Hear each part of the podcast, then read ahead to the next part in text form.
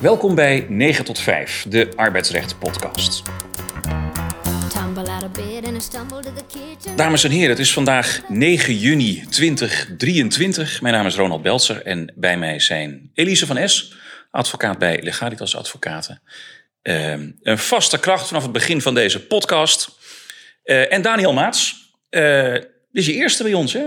De allereerste. Ja, ben je nerveus? Super nerveus. Nee, ja, we hebben zoveel podcasts opgenomen in het verleden. Oké, nou dat, uh, dat belooft wat dan.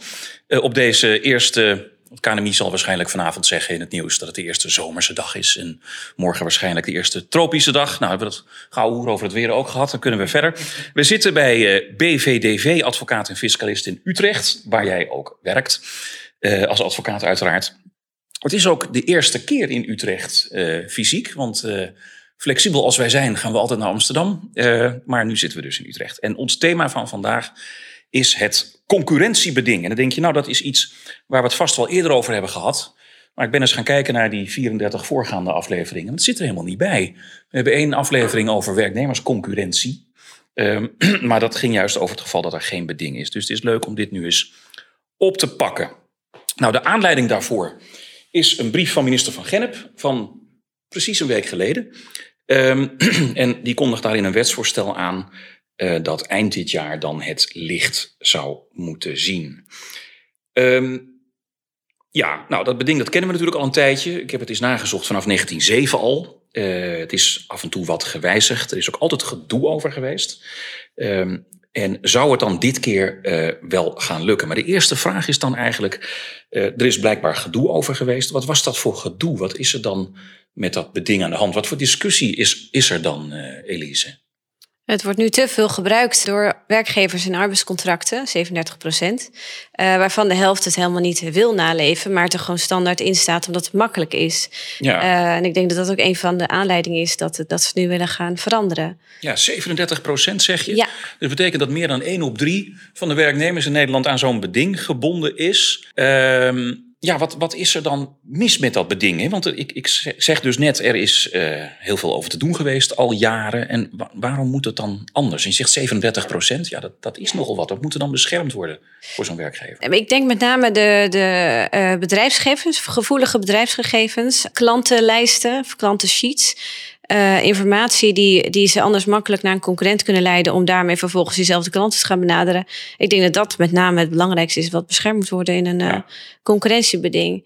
Ja, dat is inderdaad uh, wat, je, wat je ziet. En je zegt zelf ook, ja, het is 37 procent. Dus dat, dat zijn dan best veel werk, werknemers. Want een hele hoop die, ja, die hebben die toegang helemaal niet.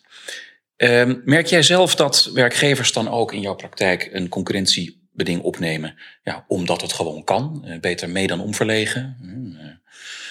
Nou, als ik een werkgever adviseer om, om het uh, wel of niet op te nemen, dan is er wel altijd aanleiding voor. Dus meestal hebben we het dan wel over van wat is dan de reden dat je het wil? Waar wil je die werknemer aan binden? En dat is natuurlijk vaak wel bij directeuren die bijvoorbeeld uh, verantwoordelijk zijn voor de sales, dus het binnenhalen van nieuwe klanten en grote projecten. Daarvan is het wel belangrijk dat het dan wordt opgenomen. Ja. En nou ja, dan heb je het erover hoe kan je dat dan motiveren? Mm-hmm. Nou, en dat die motivatie komt dan ook wel rond. Maar ik, ik ben het bij mij, ik merk niet dat het standaard vaak wordt opgenomen, omdat het kan. Uh, omdat ja. de, de werkgevers die bij mij komen, daar vaak echt wel een hele goede reden voor hebben. Ja, ja. Maar als je bijvoorbeeld een arbeidscontract maakt, gewoon voor een, een uh, werkgever die het er Mm-hmm. standaard bijvoorbeeld in heeft, of je reviewt het, ja, dan zie je vaak wel van, het staat erin, is het wel echt nodig? Die vraag stel je dan ook? Ja. ja. Doe, doe jij dat ook, Daniel? Zeker. Um, ik denk dat uh, wij echt wel een toegevoegde waarde kunnen bieden als het gaat om advisering uh, over contracten en in het bijzonder dan zo'n concurrentiebeding. Uh, ik heb in de laatste jaren wat meer hard gemaakt voor modernere contracten. Arbeidsovereenkomst op één pagina is een voorbeeld daarvan. Ja, moet je me nog een keer uitleggen hoe dat moet? Ja, ja, ja. Nou, gewoon heel veel wegstrepen, Ronald. Zoals concurrentiebedingen. Ja. ja. Nou, uh, niet per se. Nee, wat we in die uh, projecten vooral doen, als we daarmee aan de slag gaan met werkgevers, mm -hmm. is die werkgevers vooral laten nadenken over wat ze willen afspreken en waarom. Ja. En dan zo'n concurrentiebeding is eigenlijk het perfecte voorbeeld daarbij. Ja. Uh, standaard opnemen, nee, vind ik een heel slecht idee. Ja. Uh, gebeurt echt nog wel waar werkgevers een template hebben en hier en daar wat invullen uh, of in laten vullen door HR. Die, die daar niet zo bewust over nadenken nee, soms. Nee, nee. maar ik hou ze de spiegel voor. Ja. Waarom wil je dit afspreken? En dient dat jouw belang? Of kan je ook iets afspreken wat het belang van beide partijen dient? is misschien een beperking. Ja, want je ziet, je ziet nu ook vaak dat uh, bij onderhandelingen over een, over een VSO, ehm, ja, dat beding dat staat er dan in. En dat wordt dan nu relevant. Hè? Eh, en dan, ja, dan is het toch mijn indruk, maar ik ben lang niet zo lang advocaat als jullie, dat het toch als een soort leverage wordt gebruikt bij, bij de onderhandelingen. Is dat, is het ook jullie ervaring? Zeker. Ja, nee, dit, is, dit is voor werknemers altijd een heel belangrijk punt. Eh, als dit dienstverband dan eindigt, uh, meestal is dat eerst een klap in het gezicht. Uh, dan gaan ze nadenken over wat ze dan verder zouden moeten gaan doen. En zo'n concurrentierelatiebeding beperkt ze natuurlijk, afhankelijk van hoe breed dat is opgesteld, ja. keihard. Dus die werkgever weet dat.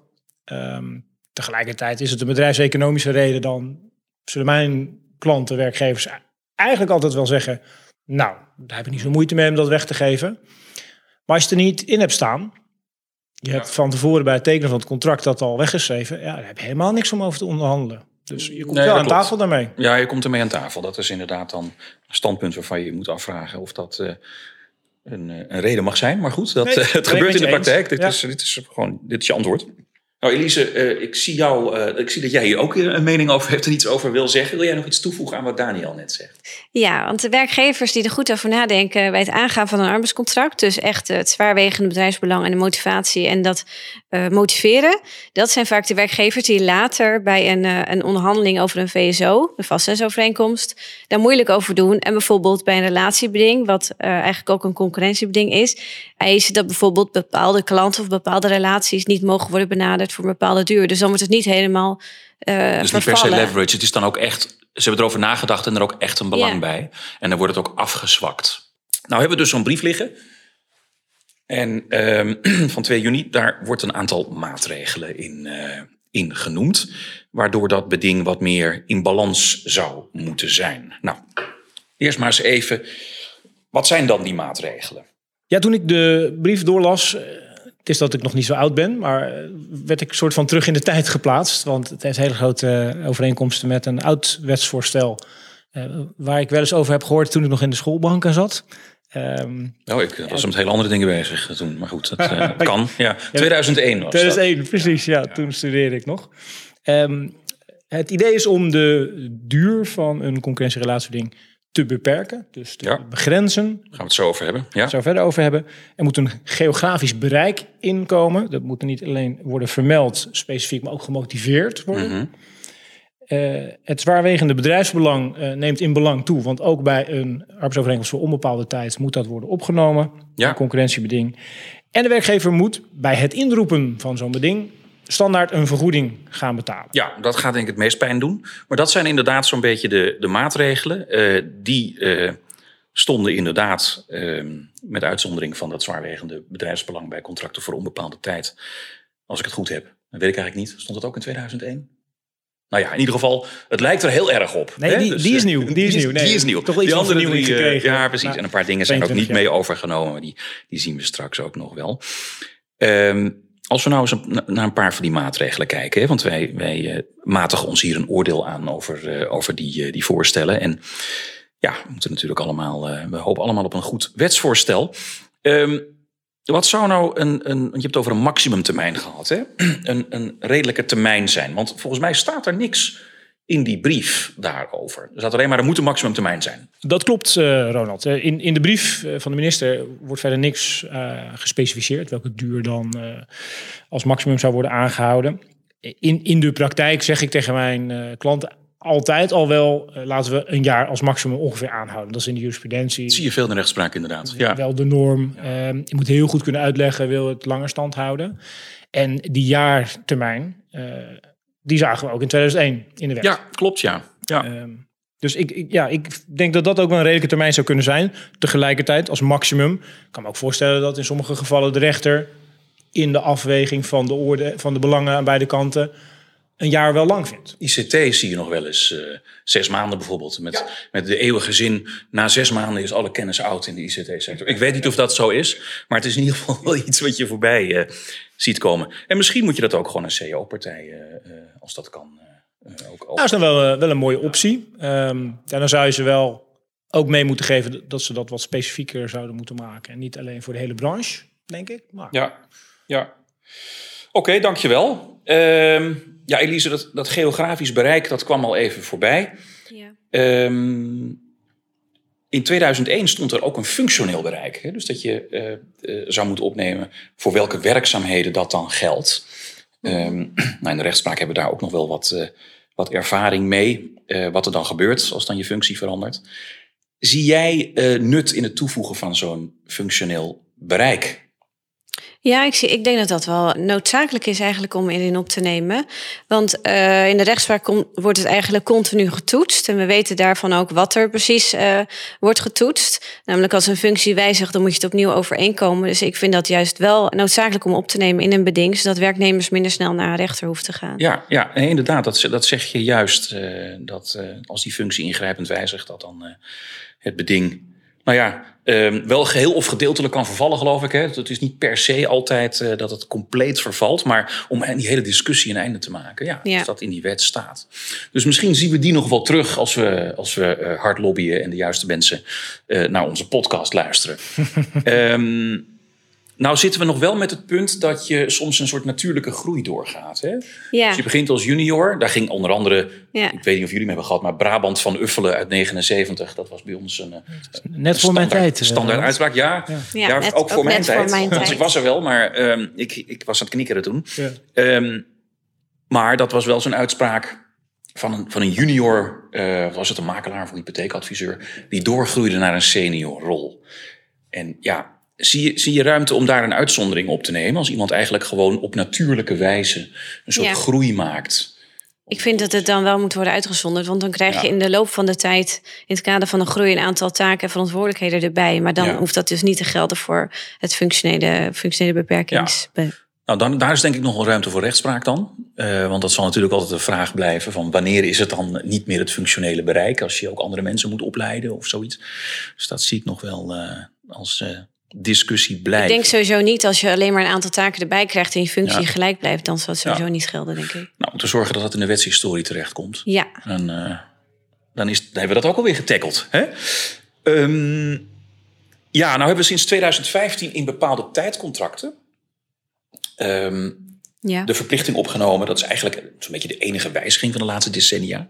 Dat er zwaarwegende redenen moet zijn als je het beding aangaat. Maar ook als je erop beroept. Hè? Dus het is een, ja. een dubbele toets. Ja, de dubbele toets. Um, nou, die dubbele toets die, die komt denk ik ook gewoon dan één op één terug voor het contract voor onbepaalde tijd. Um, ja, is dat dan, uh, is dat dan een goed idee? Waarom, waarom is dat niet eer, eerder al toegevoegd? Wat, wat vind je daarvan? Je bedoelt dat het uh, wordt toegevoegd in ook de onbepaalde tijdcontract? Ja, sorry, ja. ja dat, dat... Nou, ik vind het sowieso raar dat dat nooit is gedaan in 2015. Ik denk dat het juist, juist bij vaste contracten die je aangaat... Dan, uh, dan heb je ook als werkgever een doel om diegene langer vast te houden.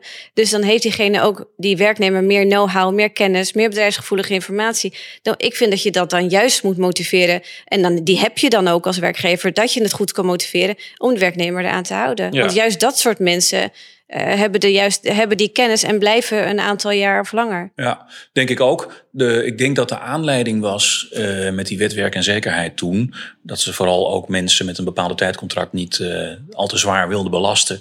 Daarom hebben we ook die proeftijdregeling toen. Nee, zeker. En die ketenregeling, dat ja. zag heel erg op de, de, de flexers. Ja, precies. Maar ik, ja, inderdaad, het, uh, het zwaarwegende belang. Het gaat natuurlijk om inbreuk op een grondrecht. Hè? Dus dan mag je toch ook wel wat verwachten van een werkgever waar het gaat om zijn ja, motivering. Precies. Dat er goed dus over wordt uh, nagedacht waarom ja. je een werknemer aan wil houden. Ja. En dat goed motiveren. Dus deze juichen we toe. Ja. Nou, ja, ja en nee. Um, oh, dat vind ik moeilijk. Ja, ja en het, hmm. het ligt eraan, zoals advocaten meestal zeggen. Uh, ik vind het een goede richting, omdat werknemers echt wel heel erg beperkt worden en ik kan dan uitleggen als ik een werknemer bijsta, we gaan naar de rechter en we krijgen er wel vanaf. Maar dat zijn nogal wat stappen die je moet maken om dat voor elkaar te krijgen. Uh, dus die extra nou, voorzichtigheid om zo'n afspraak te kunnen maken, ook voor onbepaalde tijdcontract, snap ik. Denk ook goed. Mm -hmm. Wordt ook oneigenlijk gebruikt. Maar heel praktisch, ja, dat betekent wel dat die hele, hele hoge drempel, want dat zien we in de rechtspraak, ook voor onbepaalde tijdcontracten gaat gelden. En nou, eigenlijk per definitie, onbepaalde tijdcontracten lopen langer voort dan bepaalde tijdcontracten. Wat doe je met functiewijzigingen, waar nu een briefje wordt gestuurd. Vanaf dan en dan heb jij de volgende functie met het volgende salaris. Ja. Moet je ook de HR-afdeling daarin uh, in opleiden. En uh, ook laten zien hoe ze dan die bedingen moeten gaan motiveren. Ja, er komt meer werk bij. Nou, praktisch lijkt me dat toch echt een hele hoge extra drempel. Vanwege die formele vereisten die erbij komen. Ja. Mijn volgende vraag uh, is: um, ja, die gaat over het laten vervallen van het concurrentiebeding bij uh, nou ja, bijzondere situaties. Uh, proeftijd en faillissement. En dan gaan we toch weer even 22 jaar uh, terug. Toen stond dat in dat wetsvoorstel dat het standaard zou vervallen bij een ontslag in de proeftijd en een ontslag in faillissement door de curator. Of eigenlijk als zodra er een faillissement is, vervalt hij gewoon. Zoiets, zoiets was het. Meteen weg. Ja, ja. meteen weg. Um, en nou schrijft de minister, ja, dat ga ik niet meer doen. Vind je dat een begrijpelijke beleidswijziging? Ja en nee. Ja, flauw hè. Nee, ten aanzien van de proeftijd eh, snap ik dat zeker. Ehm, ik, ik, snap het, want eh, je wil voorkomen dat een werknemer even binnenkomt gluren, alle kennis opneemt en vervolgens met dat doel naar de concurrent gaat. Uh, ja, dat is meer iets voor een film eigenlijk, hè, denk ik. Dat is voor een film, maar ja, ik, ik, heb in mijn praktijk ook wel eens zo'n voorbeeld gehad. Dus ja, het standaard laten vervallen bij een ontslag uh, of opzegging in de proeftijd. Volgens mij stond ja. het er zo, dus dat aan beide ja. zijden kan dat plaatsvinden. Uh, dat is iets te gemakkelijk. Natuurlijk zal het belang van werkgever veel minder groot kunnen zijn bij een ontslag in de proeftijd. Dus in de belangafweging bij een rechter zal dat er uiteindelijk ook wel afkomen. Dat denk ik ook. Maar goed, het moet je dan wel halen. Dat ja, recht, dat moet je wel halen. Um, of de werkgever laten halen en je dan verweren. Dus, dus ja, ja, Dat, dat, betekent wel wat. Maar ik snap wel waarom die keuze is gemaakt. Ja. Ten aanzien van faillissement vind ik dat echt een heel stuk moeilijker. Ja. Um, want uh, die, die, werknemer heeft per definitie geen baan meer, want de toko is failliet gegaan. Um, misschien is er een doorstart, dat wordt als belang gezien van de minister, om ongoing concern die werknemers uh, te laten doorvloeien bij die doorstart. Uh, maar niet iedereen hoeft mee te worden overgenomen. Dat is het voordeel tussen aanhalingstekens van de doorstarter. Je mag cherrypicken. Ja. Uh, tegelijkertijd we hebben op kantoor ook een aantal curatoren. Ik vraag me af hoe vaak een curator in de praktijk achter zo'n werknemer met een concurrentiebeding aangaat. Maar je ziet wel zaken in de rechtspraak, maar dus blijkbaar het gebeurt, speelt, het, speelt het toch. En ja, uh, je zegt terecht, die toko is er niet meer. Uh, dus er is geen wederprestatie meer. Hè? Bedoel, nee. Die werknemer krijgt ook trouwens geen, geen transitievergoeding. Dus die krijgt helemaal niks. Nee, misschien zouden ze iets met die vergoeding, die nieuwe vergoeding kunnen doen. Dat de doorstarter die moet betalen. Ja, nou ja, dat is dan ook nog zoiets. Ja, dat is inderdaad, daar is niet over nagedacht. Dat is een hele, daar had ik zelf ook niet over nagedacht. Dat is een aardige inderdaad, om uh, daar in ieder geval rekening mee te houden. De minister verwijst ook naar uh, regelingen bij justitie, of ideeën of plannen. Ja. Dat zal die, die wet uh, overgang onderneming in faillissement wel zijn, denk ik. Ehm, maar goed, als je dan niet meegaat, ja, hoe gaan we daar dan mee om? Ehm, nou, daar is denk ik nog veel ruimte voor voor discussie. Ik vind hem ook lastig. Ja, ik vind hem ook, ja, ik vind hem ook uh, moeilijk. Uh, dus allemaal naar de internetconsultatie. Ja, december. Ja, waarschijnlijk. Um, Elise, dat um, concurrentiebeding dat zou uh, komen te vervallen um, als de werkgever zou opzeggen. Dus alleen als de werknemer opzegt, dus zelf weg wil, dan uh, zou het concurrentiebeding in stand blijven. Althans, dat zegt de minister in die Kamerbrief. Dus blijkbaar was dat een idee. Uh, ja, dat wil de minister dus nu expliciet niet meer. Dus die wil die discussie stoppen. Hoe sta jij daar tegenover? Ik ben het ermee eens dat, dat dat niet moet gaan gebeuren. Een werkgever die uh, een werknemer ontslaat of een arbeidsovereenkomst opzegt, die wil toch juist dat juist in die gevallen die werknemer aan de concurrentiebedingen wordt gehouden. Die een werkgever wordt ontslaat een werknemer niet zomaar. Daar is meestal een goede reden voor. Ik vind dan moet je juist een werknemer aan het concurrentiebeding kunnen houden, omdat die anders met alle know-how en kennis en bedrijfsgevoelige informatie naar een concurrent stapt. Misschien is hij wel ontslagen omdat hij aan het concurreren was. Dat zou dan helemaal lekker dat, zijn. Precies. Of dat, ja. hij, dat hij het zo uh, speelt dat hij wordt ontslagen en dan ja. vervolgens zegt uh, ik ga naar de concurrent. Nou, je kan als werkgever ook gewoon goede redenen hebben waarom je van, van iemand af wil. Ja, precies. Op staande voet. Dan neem je ook het initiatief. Zou dat dan ook betekenen dat het concurrentiebeding weg is? Dat zou heel zuur zijn. Ja, ja nee, ik vind het ook. Dit, dit vond ik de makkelijkste eigenlijk. Ja. Ik bedoel dat je dit niet moet doen. Dat uh, lijkt mij een heel goed idee. En dan heb je nog de kleine categorie werknemers die zelf wil opzeggen. Wegens een dringende reden. Uh, dat, dat zijn van exoten natuurlijk. Maar die zou dan uh, nog gebonden zijn aan het concurrentiebeding. En dat is iets wat je denk ik ook niet wil. Maar goed. Dus eigenlijk van beide zijden is dit een goede beleidswijziging. Ja. Ja, dankjewel. Er zitten ook goede punten in. Die credits moeten we geven. Er zitten zeker goede punten in. Nee, ik, sterker nog, uh, je vraagt het mij niet, maar ik denk dat er heel veel punten in zitten die ja, de leiding navolgen waard zijn. Nee. nee, nee, hoeft ook niet. Um, ja, er komt een verplichte vergoeding. Nou, dat uh, um, staat al in de wet, hè? Maar uh, daar doen we uh, misschien om duidelijke redenen, maar ik ken ze niet, niks mee. wat ik me kan bedenken, het is veel gedoe. En daar zal nog wel heel veel discussie over gaan ontstaan. Want er, ja, er is erg veel wat je moet regelen. En ehm, we kunnen wel kijken naar uh, de Belgen en de Duitsers. Lang leven internet. Ik heb inderdaad gevonden dat ze daar 50% betalen exact. van het laatst verdiende loon. Dat noemen ze in Duitsland de Karenzentschädigung. Af en toe wil ik even een Duits woord erin gooien. Um, en dat is, ja, dat is allemaal, natuurlijk, er zit ook heel veel, heel veel haken en ogen aan. Als we nou eens gaan kijken, nou, als we dat nou eens zouden gaan invoeren. En laten we uitgaan van ook 50%. Ja, gewoon doen zoals de buren doen. Ja, wat, wat zijn dan enkele praktische aandachtspunten bij de invoering van zo'n regeling? Wat kunnen we hier verzinnen met z'n allen?